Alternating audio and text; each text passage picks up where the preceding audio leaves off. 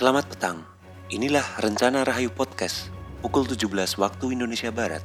Kali ini bersama saya Gilang Ramadan. Dan saya Ibu Atuntan, seperti biasa Rencana Rahayu Podcast kami awali dengan jingle RRP.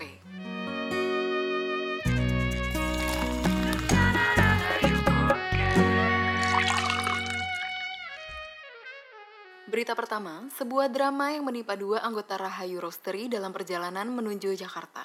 Berikut laporannya.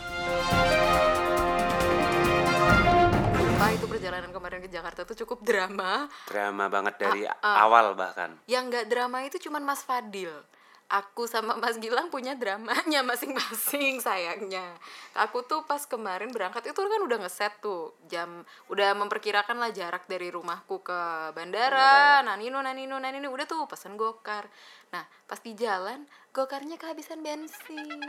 Kehabisan bensin dong. dan Yang itu tuh kalau aku kira-kira tuh ah, fix ini aku pasti ketinggalan pesawat. Untung udah check in sih memang. udah check in. Ah, ah, terus akhirnya bapaknya malah nanya lagi, ini mbak eh, pom bensinnya di sebelah mana ya kalau sebelah sini? Wah ya jauh pak, gitu. Oh nggak bisa atau di dalam sini? Nggak ada pak, yaudah bapak pinggir aja pinggir gitu. Saya pesan baru. Wah kan mbaknya rugi. Saya kalau ketinggalan pesawat lebih rugi pak. Aku bilang Iya gitu. terus akhirnya udah minggir pesan gokar baru dapet lah terus ternyata bapaknya itu drivernya dulu ex taksi jadi super ngebut nyanyi cut, cut. Oh, driver baru. Ah, ah, Oh, akhirnya aku iya. beneran minggir turun kayak gitu kan terus dia ya bapaknya mbak ini gimana kan nanti kalau mbaknya kayak gini-gini ini rugi gitu enggak ngapa nggak bakal saya cancel kok aku Berarti gitu. masih nunggu itu. Kamu turun terus nunggu order gokar lagi. Ah, ah, nunggu order uh, gokar lagi terus udah terus dapet nah itu kan aku bilang tuh ke kalian-kalian semua aku wa gitu ini uh, drivernya kehabisan Iya. Sampai bensin. bandara jam berapa? sampai bandara tuh kayak cuman 11.30. kurang Oh, sebelumnya 11.20. Ah, ah, pokoknya kayak kurang 15 menit lagi lah pokoknya Hmm. yang di aku baru turun bandara tuh udah langsung last call last call Jakarta nyanyi nyanyi nyanyi Oh, udah iya. tuh Tapi masuk belum dipanggil nama kan? belum belum udah masuknya dipanggil nama. Jadi pas kamu kemarin itu telat, Hmm. sebenarnya aku juga telat. Nah ceritanya tuh satu hari sebelumnya kan aku masukin orderan buat bikin plakat rencana Rahayu Podcast itu kan di Ordindo ya. Hmm, hmm. Aku tanyain besok jadi nggak mas? Jadi pagi ya. Hmm. Jadi kok mas jam berapa? Aku flight jam 11 kayak gitu. Hmm. Nah ternyata di jam 11 aku ke Ordindo itu harus nunggu Dulu. plakatnya. Iya dia bikin kita bikin Belum plakat. jadi Eh, eh, belum jadi intinya. dari Hmm. akrilik kan. Terus aku nunggu. Nah aku kan belum ambil tas dan perabot. jadi kayak oh ya udah aku balik dulu ambil tas balik lagi belum jadi lagi. Itu jam sekitar jam 11 15 tuh baru 11.20 baru kelar. Terus ngebut bawa motor ke bandara. Ah, yang closing gate-nya itu jam 10.40 aku nyampe bandara itu jam 10.30 sampai lari-lari naik pesawat keringetan ketemu kalian dan nah itu di, di dalam tuh Mas eh, Mas Gilang di dalam aku di udah masuk di lounge gitu ketemu sama Mas Fadil kan. Hmm. terus aku tanya eh Mas Gilang udah di sini belum? Kayak gitu. Belum sih aku bel- belum lihat. Mungkin dia udah duluan kali ya. Enggak aku tuh lihat chatnya Mas Gilang itu tuh cuman bilang gini aku aman kok tapi jangan dimarahin dulu ya. Aku udah wah telat nih orang ini telat nih. Telat. Udah toh nyampe Soekarno Hatta ya nyampe Cengkareng. Hmm. diri jalan kakinya sakit. Kakiku sakit karena lari-lari dari bayang dari parkiran di utara rel itu sampai pesawat lah itu. Hmm, mungkin satu kilo, lah ya, ya sekilo. sekilo. Bawa barang lah Heeh, bawa barang lah Kasihan sekali ya Mas Gilang sampai keseleo kakinya. Berita selanjutnya, laporan hari pertama acara Indonesian Coffee People langsung dengan reporter kami Gilang Ramadan. Selamat sore Gilang. ya selamat sore Bagaimana kondisi dan laporan dari hari pertama ICP? Eh, laporan hari pertama karena eh, kami sampai venue itu sudah sore eh, jadinya kami ketinggalan acara Ketinggalan acara. Iya, tepat sekali. Kami tidak bisa meliput acara di hari pertama ICP. Baik, sayang sekali reporter kami terlambat datang ke lokasi acara, sehingga belum dapat memberi laporan apa pun. Berita selanjutnya, liputan hari kedua dan ketiga tanggal 14 hingga 15 Februari 2020. Acara Indonesia Coffee People di Half Patiunus, Jakarta. Berikut selengkapnya. Di tanggal 14 Februari ya. Hmm, udah pagi tuh kita ya di Iya. acara yang kedua tuh tuh pagi datangnya soalnya Mas Gilangnya tuh ngisi event di sana Mas Isi Gil- forumnya. Ah, ah. Yang sebelumnya aku pikir kan nggak jadi ya karena dikabarin eh, Radif gitu kan. Itu jauh-jauh hari sih mau ngisi nggak ya udah gampang besok kayak gitu. Mm. Nah Radif tuh baru bikin poster itu Hamin satu kalau nggak salah. Oke. Poster. Terus kayak dia minta foto gitu kan fotoku mas mau bikin poster kayak gitu. Oh ya udah nanti aku lihat dulu ya filenya ada fotoku atau enggak. Ternyata aku nggak punya stok foto yang ganteng. Nah, terus dia ngambil dari Instagram. Jadi itu Poster. posternya tuh kayaknya baru naik di hari hari pertama malam-malam. Jadi ya aku kan bingung juga ini ngobrolin apa kayak gitu. Ya udah ntar gampang. Terus dibikinin itu judul diskusi Hmm. Itu judul tesis kan ya sebenarnya.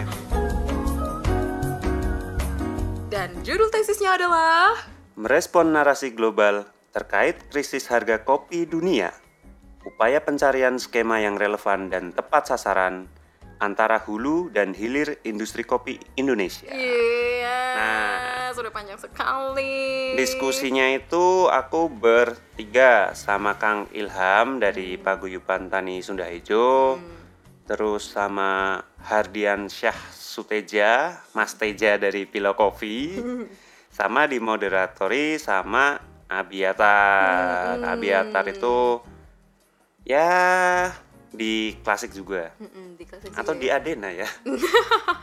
Bingung kebanyakan kerja dia. Terus terus terus terus gimana Mas? Nah, karena seben eh di hari pertama tuh sempat ketemu Abi. Kita brief Oh iya, dulu benar. kan. Ah.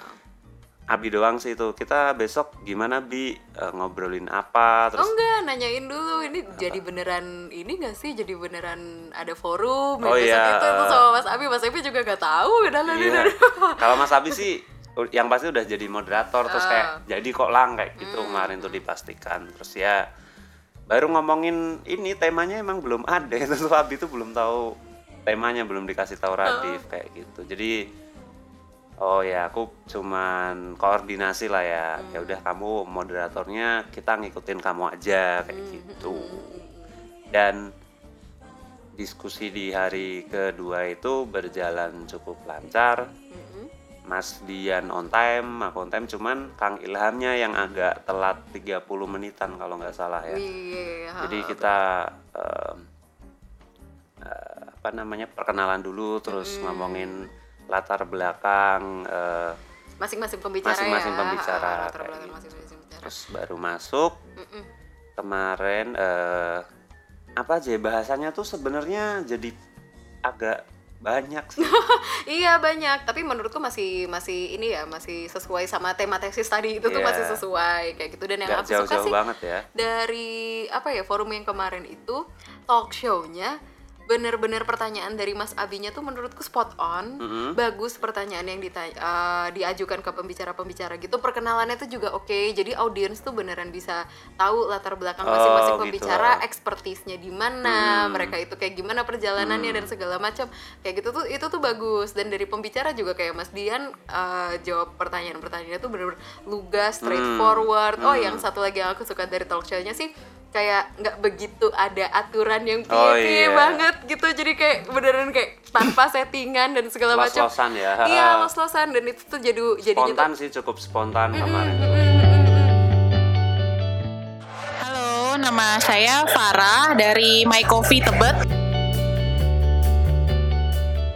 Acaranya sih menarik banget ya, soalnya kan eh, agak beda dari yang biasa-biasa acara kopi, karena dia nggak kopi semua, tapi ada di atas tuh ada kamera analog, ada baju, ada jaket, terus ada pasar petani juga, cukup cukup fresh lah, karena banyak membahas talk show talk show yang seru-seru juga sih. Kemarin sempat lihat. Talk show yang aku lihat sih kebetulan yang eh, agak full ngeliatnya tuh yang pertama yang ngebahas tentang industri kopi yang judulnya panjang banget judul tesis itu.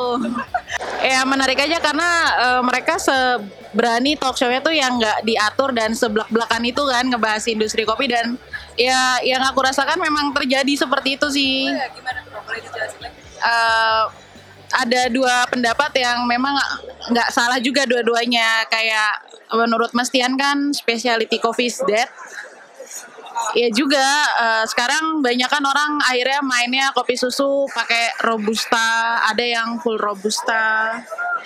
Ya itu itu aku mengalaminya sih kayak industri kopi dan dia dijual dengan harga yang gila-gilaan murahnya. Jadinya orang yang serius seperti eh, tuku katakanlah yang pelopornya jadi agak susah juga untuk ngejual kopi susunya kan. Nah, iya bener tuh. Kemarin yang menurutku juga paling menarik adalah pembahasan soal itu. Specialty coffee itu udah mati. Maksudnya ada dua kubu perspektif kan? Ya, bener sih em, untuk kalau ngelihat fenomenanya kan emang yang dulu digadang-gadang oleh banyak orang gitu kan ya ngomongin specialty itu harus kayak gini kayak gini kayak gini nah kenyataannya malah eh, teman-teman specialty sendiri juga kan udah nggak serigid dulu gitu loh mbak Iya, kayak ngomongin dulu specialty kan harus eh harus banget wajib tanpa gula Hmm, hmm, hmm. Salah satunya kan kayak gitu kan. Indikatornya Iya, ya. indikatornya kayak gitu loh. Meskipun uh, specialty itu kan mengacu mungkin pada cupping score green bean gitu, tapi kan yang disampaikan kan campaign kopi tanpa gula Yes, yang betul. yang ternyata grade-nya bukan grade specialty kayak gitu. Hmm, Nah, sekarang udah udah dikasih gula dan sebagainya dan sebagainya kayak gitu kan. Hmm. Itu uh, masuknya aku ngelihatnya di di skena anak specialty-nya sendiri. Nah, Hmm. kalau Mas Dian ngomong specialty udah mati atau udah kelar, ya kalau aku post specialty sih. Jadi memang si specialty itu kemudian dinamis dan adaptif gitu loh. Dia kalau apalagi di Indonesia nyari relevansinya kayak gitu loh. Jadi kita kesadaran kopi masyarakat Indonesia itu di berawal dari specialty. Yes. ada ada yang berawal dari spesial specialty, ada yang berawal dari em, cerita leluhur gitu. Ada berawal dari memang kebudayaan di Indonesia ya. Tapi untuk orang-orang yang modern untuk anak-anak muda kan memang berangkatnya dari specialty. Nah belajar kopinya dari specialty kemudian diadaptasi. Hmm, nah aku sih lebih seneng nyebutnya post specialty gitu. Post specialty. Iya, Ah, jadi- ah, ah, ah. Ya meskipun udah dijelasin juga sama Mas Gilang kan Ah. kemarin, mungkin yang bagi bagi pendengar RRP kali ini banyak juga yang nggak hadir tuh Mas. Ah. Sedikit aja post specialty, iya sih. ya itu tadi sih Hmm. Ber- Bentuk adaptasinya. bentuk adaptasinya ya bentuk adaptasinya mungkin kit- kalau ngomongin specialty kan hal yang paling paling bisa eh, diambil gitu kan sebenarnya cupping score gitu kan. 80 80 ke atas ya. Hmm. Shit. itu nah itu kan green bean-nya skor green bean kan 80 ke atas. Nah cuma berapa banyak sih kopi yang beredar di Indonesia yang mereka punya cupping score kayak gitu yang memang memang sudah diuji di eh, di Q grader gitu kan. Itu kan nggak banyak sebenarnya. Hmm. dari dari edaran kopi yang disebut sebagai specialty gitu loh. Nah tapi meskipun kopi-kopi itu nggak punya cupping score tetapi ternyata mereka itu memang nggak punya defect primer gitu loh. Jadi clean cup kayak gitu. Ya. mereka punya flavor yang oke. Ya itu sih. Menurutku eh, sudah tidak menggunakan instrumen specialty, specialty. tap- Namun, namun beberapa eh, indikator itu masih beberapa, eh, masuk ya, kayak terpenuhi ternyata terpenuhi, Dan itu dari situ. berarti maksud uh, bentuk adaptasian specialty itu sendiri di Indonesianya yang Di menurutmu Indonesianya. jadinya itu post specialty. Iya post specialty Hmm. gitu loh. Juga cara penyajiannya mungkin. Hmm. Akhirnya em, apalagi sekarang akan masuk di tren eh, coffee in good spirit gitulah ya. Iya, iya, Adaptasinya kan dari situ. Kopi, kopi kopinya mungkin specialty, Hmm. Cuman akhirnya ditambahin bahan aditif. Hmm, hmm, hmm, hmm. Aditifnya mungkin buah, mungkin leci, mungkin irisan lemon Apa, kayak gitu, apa ya? apel, ah, ah. mungkin sirup kayak Iya, gitu. iya, iya, iya. Nah itu sih, jadi ya aku sih nggak nggak nggak ngelihat bahwa spesialtinya sendiri udah berhenti atau sudah dead itu tadi dead atau sudah mati terus kalau mati kan memang nggak Nggak ada sama sekali, nggak ada sama berarti. sekali gitu ya Mm-mm.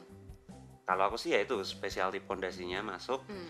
sebagai em, sebagai isu yang membangun kesadaran eh, masyarakat Indonesia nah kemudian diadaptasi dan melakukan improvisasi dan eh, melakukan adaptasi di di semua lini gitu loh dan aku juga kemarin menceritakan bagaimana meng- aku mengadaptasi kopi specialty Hmm. dengan eh, penyajian di luar ruangan itu loh dalam dalam media gerobak kan. Mhm. barnya itu kan bar specialty kok Iya gerobakan betul, kayak gitu yang kan. berdebu, berpolusi, iya berpolusi. Ha, ha, ha, itu kan mungkin eh, kalau dulu kan nggak sangat nggak ideal gitu loh.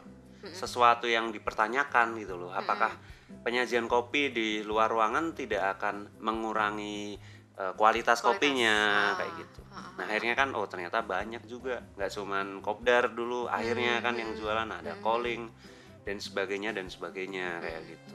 Oh ya satu hal Banyak lagi sih, tuh yang aku juga menurutku ini ya maksudnya stay gitu di aku nempel banget itu pendapatnya Mas Dian tentang bagaimana apa ya skena specialty coffee ini sendiri tuh yang dibangun dari anak-anak specialty Mhm. atau yang misalnya ya ya mengarah ini ya turut mensupport lah Hmm, spirit-spiritnya uh, specialty coffee format itu awal gitu lah format ya, yang specialty dari coffee itu ha-ha. Amerika. Dan digerogoti sama anak-anak specialty oh sendiri. iya. itu. Mungkin yang mau tahu lebih detailnya kayak gimana bisa nonton di apa mas itu? Di tadi YouTube, nama channelnya ah, udah masuk di YouTube itu. ini masih ada sih ya pas kita Mm. Tech Podcast. Itu ada di channelnya channel YouTube em, ini Kopitalis. nah buat teman-teman.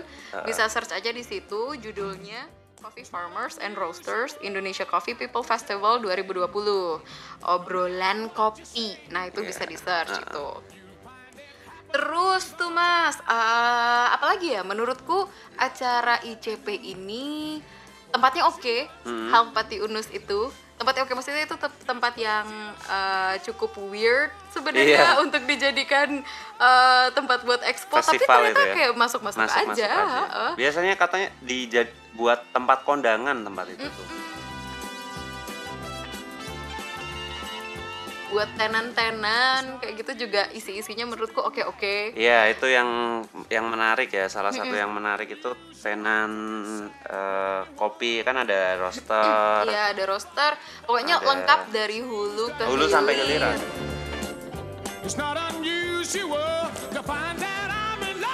Mungkin teman-teman bosan kali ya ngomong dengerin dia tuh kita terus yang nge-review. Gini Iya. nih kalau dari pengunjung-pengunjung yang ada di ICP. Saya Cepot. Saya di sini sebagai pengunjung untuk industri kopi. Saya sebagai penikmat aja, kopi entusias. Ya. Katanya tadi bikin es kopi susu. Eh, ya, itu sambilan mas. Kan cuan tetap yang pertama. Oke, siap. Nah, nah ini menurut Mas Cepot nih eh, acara kita kita ngomongin ICP-nya dulu. Ya, ya. Eh, ICP tuh kayak gimana nih eh, first impression-nya dari awal sampai barusan sempat belanja-belanja juga itu gimana tuh?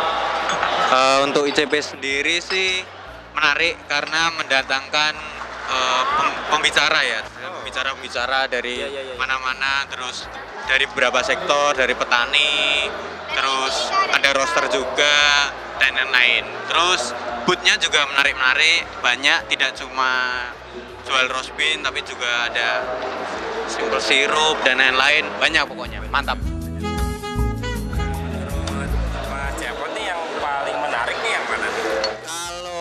Menurut saya lakon sih. Lakon ya? Ya, Lakon ya. karena di situ dia mendatangkan eh, beberapa ya macam-macam roastery, macam-macam coffee shop untuk dijual roast bean-nya di situ. Jadi pengunjung pun eh, tidak eh, punya pilihan yang lebih, tidak hanya dari satu roastery saja, tapi ada beberapa banyak dan nggak cuma dari Jakarta, ada yang dari Jogja, saya lihat tadi ada yang dari Sumat, dari Medan, Bandung dan lain-lain.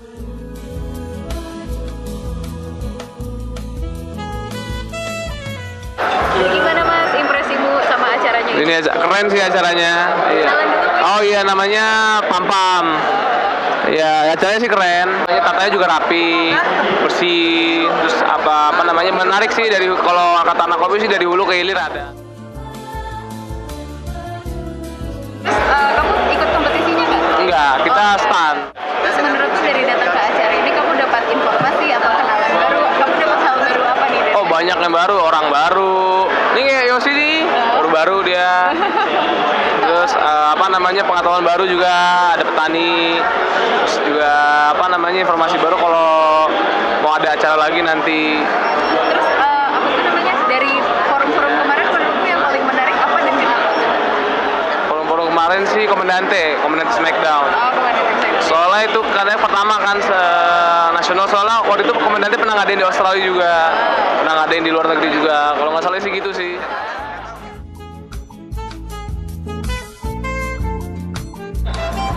Halo, selamat sore Kak.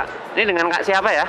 Hai, selamat mau malam sih. Iya, malam ya. Ini udah petang, selamat petang. Eh, perkenalkan, saya Ami. Ah, Mm-mm, kami Ami. kami dari mana kami? Kak Ami, Kak Ami dari Jakarta, Kak. Oh dari Jakarta aja, berarti dekat ya dari acara Indonesian Coffee People dekat gitu. banget. Storgo sama ICP itu dekat oh banget. gitu ya. Kami aku mau tanya beberapa hal dong. Gimana ini uh, kamu datang ke acara ini berarti yang pertama atau dari hari kemarin? Kebetulan eh, outlet kita buka eh, stand di sini Oh, sih. buka stand. Jadi Yes, hari jadi pertama loading in, loading out. Oh gitu. All in, Oh, kamu kamu ini stand ya. Standnya Iya. apa? Apa? Yoshi Yoshi Coffee jadi kita tuh Oh, eh, Coffee. free coffee kopi susu kak nggak Oh. nyobain ya nggak nyobain Iya, ya aku lupa soalnya terlalu banyak. Gimana menurutmu selama berarti kan satu satu dua tiga hari kan di sini ya, di Hmm. sini terus nih. Gimana menurutmu acaranya? Cukup serukah atau gimana? so far eh, untuk pertama ya Iya, ICP ini kan pertama ya. pertama ya. Menurut aku ini tuh udah keren banget sih. Keren banget. Iya tempatnya keren juga. Hmm, Terus gitu ya. juga acaranya rame kan. Hmm. Jadi emang konsep Indonesia Coffee People-nya dapat. Oh dapat sesuai sih. dengan sesuai dengan yang- temanya. Yang, temanya ya, Mm. kopi di Indonesia dan orang-orang kopi kayak gitu. Iya ya. Oh. betul. Kumpul Eh, semua. Itu yang eh, yang yang menurutmu dapat banget tuh di bagian apanya nih misalnya? Ah, misalnya, jadi kayak yang datang ke sini, yang ke ICP ini nggak cuma orang-orang kopi kak. Oh gitu. Nah, kan di, di sini juga ada stand-stand kamera. Oh, iya, ya. kan? Kamera ada ya. thrift, ada tadi yang lukisan-lukisan gitu. Lukisan-lukisan ah. Ah, terus banyak apa pekerja-pekerja kreatif dan seni kan. Oh, Pada ngumpul pada di ngumpul. Indonesia Coffee People. dan dan berkomunikasi gitu ya Melalui Ngobrol-ngobrol. kopi, melalui ya kan, kopi anjay. tapi ya maksudnya di sini pada doyan kopi ya kan Ah, ah. Ah, Ada yang nggak bawa kopi juga sih, ya. ya, Ya, merayakan merayakan. itu Oke, kalau di band-band sensorship. lain, iya.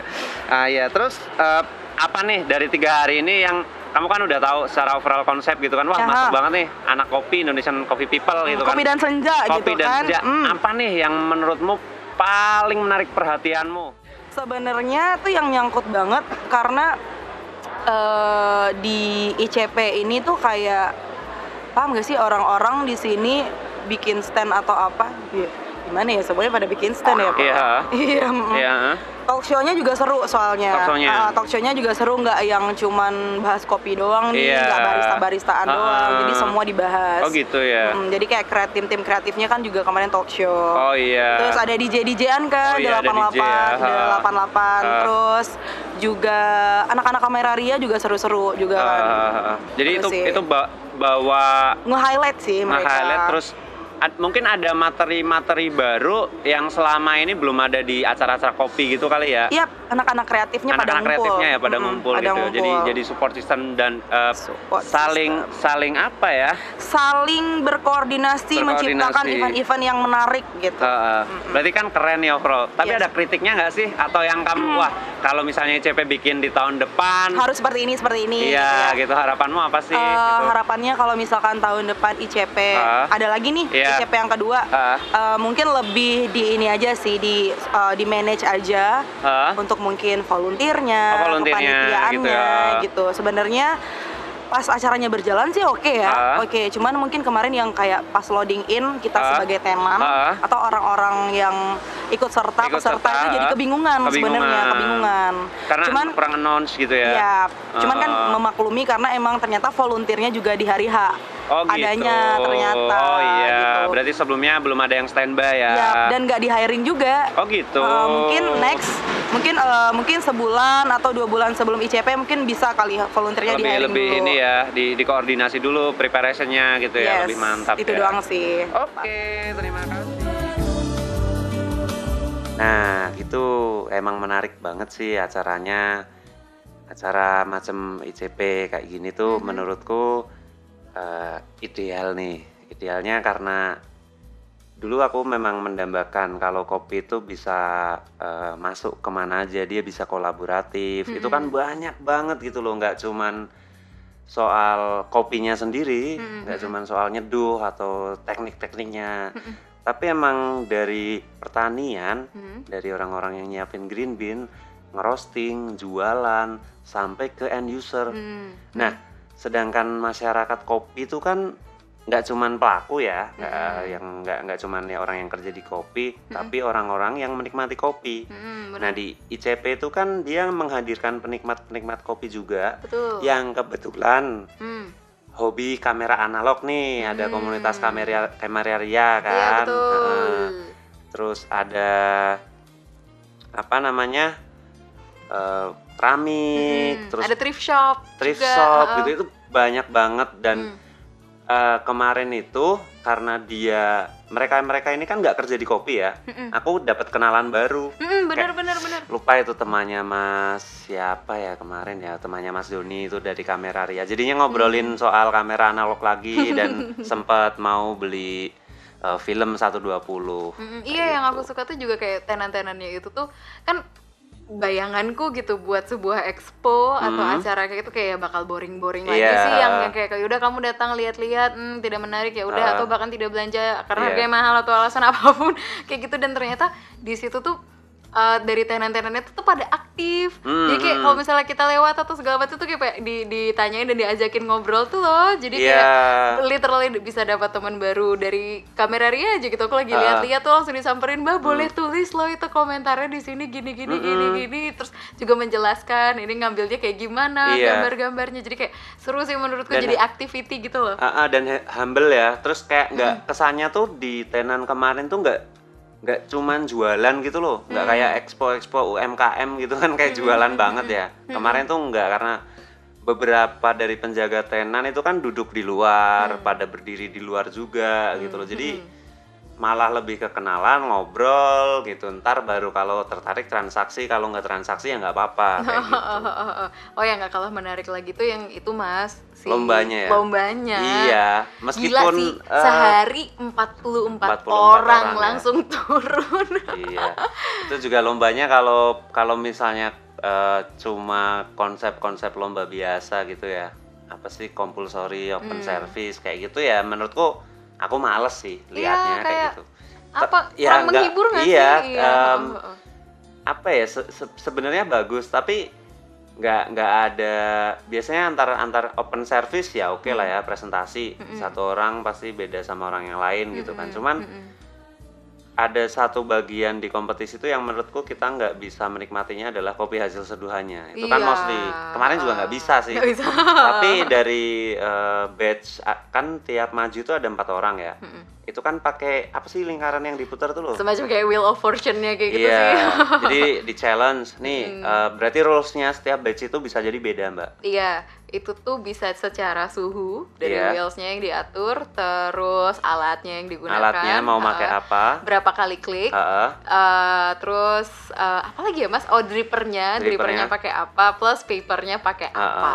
Jadi ada lima komponen itu tuh Iya. yang diatur. Jadi dan itu tuh ada yang aku tanya kan, itu gimana sih rulesnya mainnya tuh gimana? Ada yang diserahkan sama penonton mas. Hmm. Jadi- oh, buat muter jadi misalnya aku ikut nih, Hmm. terus kamu ditanyain kamu sebagai penonton gitu, kamu mau buat dia apanya yang di set kayak oh gitu. gitu iya Heeh, heeh. dan pakai gitu. grinder komandante ya kemarin ya Mm, mm, mm. Jadi tuh ya memang beneran menguji skill sih menurutku. Iya karena kita nggak bisa expect kita bahkan nggak bisa preparation apa pun ya kayak nanti gimana ya pakai ini apa gitu kopinya sih udah sama ya dari Australia ya kemarin ya Nah, Mas, kalau menurut pengunjung lain itu beda lagi ceritanya. Oh gitu. Uh, uh, nih, coba dengerin ini.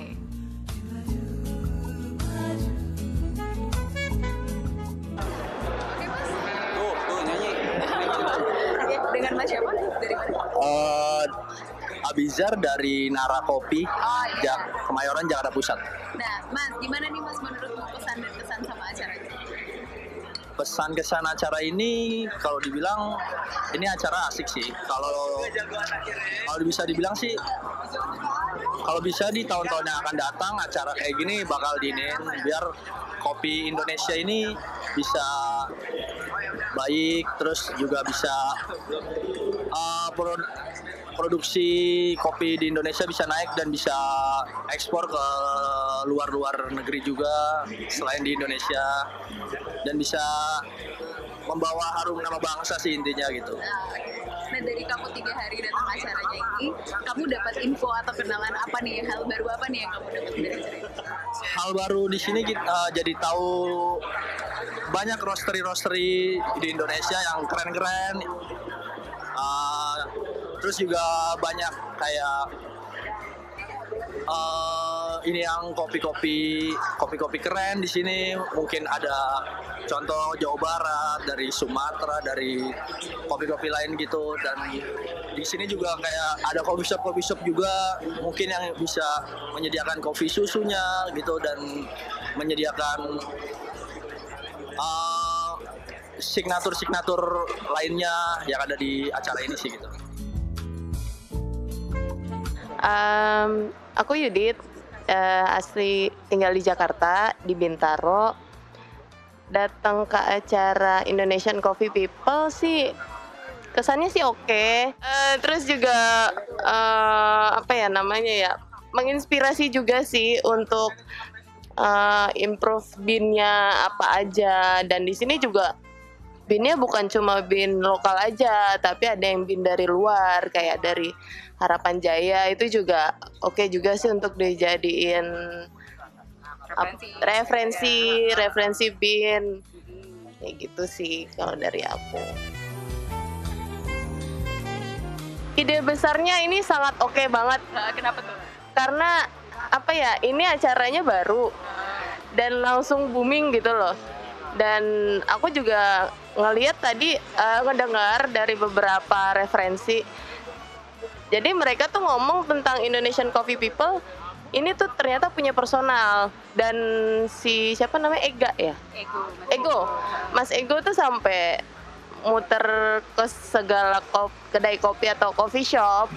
Itu emang bener-bener terniat sih kalau menurutku. Berarti apresiasi untuk eh, panitianya Indonesian Coffee People ya? Iya, ini emang bagus banget sih acaranya. Langsung keren gini sih, tempatnya juga oke untuk ngadainnya, pinter sih, keren. Kritik dan saran sih apa ya? Mungkin lebih harus lebih digiatin lagi ya untuk yang but dari luar Jakartanya. Kayak misalkan daerah-daerah Jogja, Solo itu juga itu kan emang emang mereka udah mulai bagus ya untuk kedai kopinya gitu. Namanya Rizal dari Solo sih. Jadi gimana Mas pesan dan kesan sama acaranya? Udah jauh-jauh nih Ya, datang dari Solo ya ini kan? ini asik sih karena nggak di bawah corporate ya. Ini kan kayak ide-ide anak-anak Jakarta aja, tapi kerennya bisa nyatuin yang di daerah-daerah juga gitu. Jadi kayak orang dari mana-mana datang buat ngikutin ini lomba ini gitu. Kamu nonton semua lombanya nggak? Apa kamu malah kamu ikut lomba? Aku nggak ikut lomba sih mbak. Oh. Aku juga nggak nonton tapi cuman kenal sama beberapa orang yang di dalamnya ini gitu. Jadi kayak sebenarnya di Solo itu dari udah dari dua bulan apa tiga bulanan yang lalu udah kedengar kabar kalau ada Indonesian Coffee People gitu. Jadi kayak wah ini niat banget promosinya gitu. Terus ketika ke sini ya ambience-nya dapet sih kayak kayak di sini nyatu aja semua gitu. kayak nggak ada jarak eh, antara level atas atau level bawah gitu gitu lah. Ya. Hal baru apa nih Mas yang kamu dapat setelah datang dari sini? banyak inspirasi sih karena gini eh, saya kan buka kedai di Solo juga. Cuman kalau ngeliat di sini kayaknya orang-orang di sini kayak niat-niat aja sih. Jadi kayak punya motivasi untuk bisa lebih berkembang aja sih. Kalau kritik sih nggak ada. Kalau saran mungkin ini bisa dijadiin acara tahunan ya. Ah, oke. Kayaknya keren nih acara tahunan terus mungkin nanti variatif lombanya juga di, ditambahin lagi bukan cuman throwdown apa komandante ya gitu aja sih kayaknya Terus tadi warungnya dari mana Mas? Dari Solo. di merdu Oh di Merdu. Merdu, Merdu, Solo. Oke oke. Terima kasih banyak ya Mas. ya. Nah iya tuh benar, menurutku kayak kalau datang ke ICP tuh jadi kebuka tuh loh referensinya mas. Kayak oh iya ya bisa aku tuh bisa inovasi kayak gini. Oh ternyata tuh gini gini gini bins lokal dan bins luar tuh juga ada di sini. Oh, iya. Tenan-tenannya tuh keren, maksudnya tenan-tenan tuh nggak semuanya Jakarta juga, banyak yang dari luar Iya, Jakarta uh, juga heeh. Tapi tapi mungkin menurutku sama sih kayak yang si uh, Mbak Yudis tadi tuh dari luar harusnya cakupannya juga bisa lebih banyak. Mungkin dibuat ke depan kali ya, Ah. ke depannya ICP. kayaknya sih eh, publikasinya sih Hmm, kalau bisa hmm, tuh hmm, lebih jauh-jauh hari karena kalau misalnya dari luar kota kan tentu preparationnya harus lebih lama ya Hmm, hmm. buat Hmm, nyiapin hmm, jadwal mobilisasi barang misalnya kayak gitu sih. Iya sih menurutku kayak datang ke acaranya itu tuh jadi jadi bisa kebuka sih ininya Hmm, hmm. kayak apa ya dapat influencer-influencer baru Iya, kayak iya. gitu kan informasi-informasi baru itu Mm-mm. poin plus menurutku dari ICP. Ya, eh, satu lagi eh, poin plusnya itu selain itu acara ini tuh dikelola, Hmm. dibikin itu dari apa ya independen gitulah mbak. Dia Hmm. nggak kan nggak berafiliasi sama satu brand besar atau s- atau institusi tertentu. institusi atau organisasi itu yang yang bikin keren sih. Jadi eh, nggak nggak condong ke satu ide saja Iya. kayak gitu sih. Dan kurasa untuk tahun depan masih bisa dibikin Mm-mm. dan kalau memang mau dibikin lagi harus risetnya lebih panjang Betul. biar apa?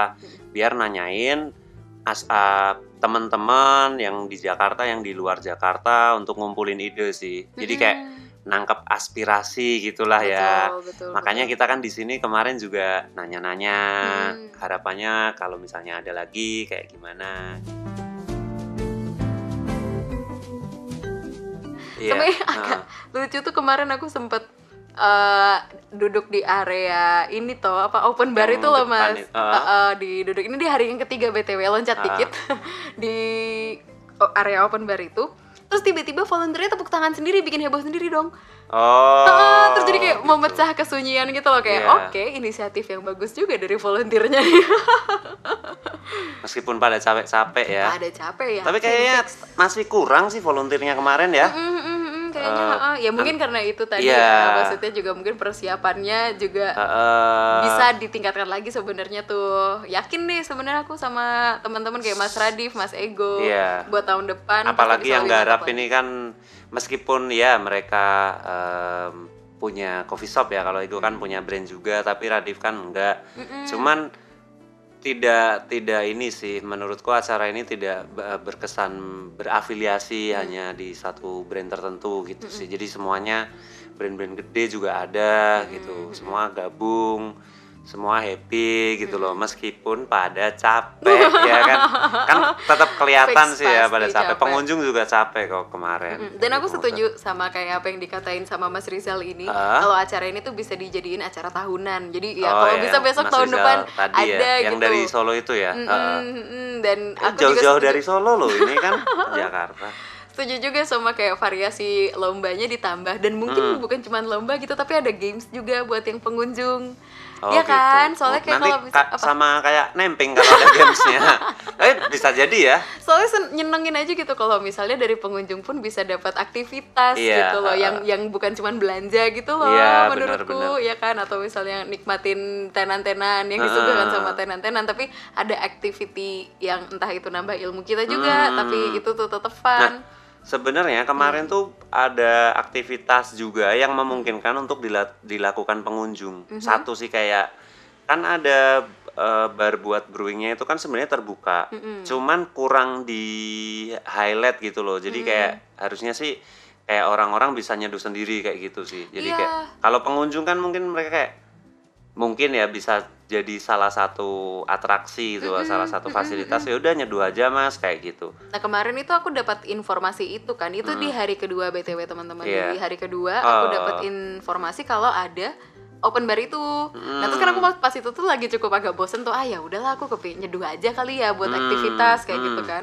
Aku tanyain ke ininya volunteernya kayak Hmm. gitu, ada nggak sih mas ada di sebelah mana kayak gitu. Hmm. Terus ah, dari volunteernya malah bilang harusnya sih udah dari kemarin mbak. Tapi karena Oh, riuh nih. Oh ya aku iya. paham sih aku paham Belum sih kan. sempet ya. Belum sempat dan aku sukanya habis aku bilang kayak gitu volunteernya tuh gercep Oh, langsung nyiapin kayak Ah, gitu? udah deh disiapin Oh, langsung ada di gitu. dua tempat pas itu saat yang satu di Classic Beans di Hmm. area boothnya Di Classic atas Beans itu ya, Mm-mm, sebelah kanan ya. di atas dan itu tuh dilombain dong kayak ada lomba sendiri gitu Oh, jadinya lomba di situ pinggiran ya? Ah, lomba pinggiran iya Ah, tuh banyak ada duit-duitnya tuh kemarin bercecer tuh di situ itu terus sama yang di area si volunteer itu tadi Hmm. ah, di situ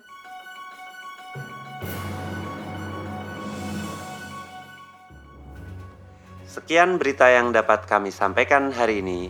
Saya Gilang Ramadan. dan saya Ibu Atuntan Sampai jumpa dalam Rencana Rahayu Podcast selanjutnya.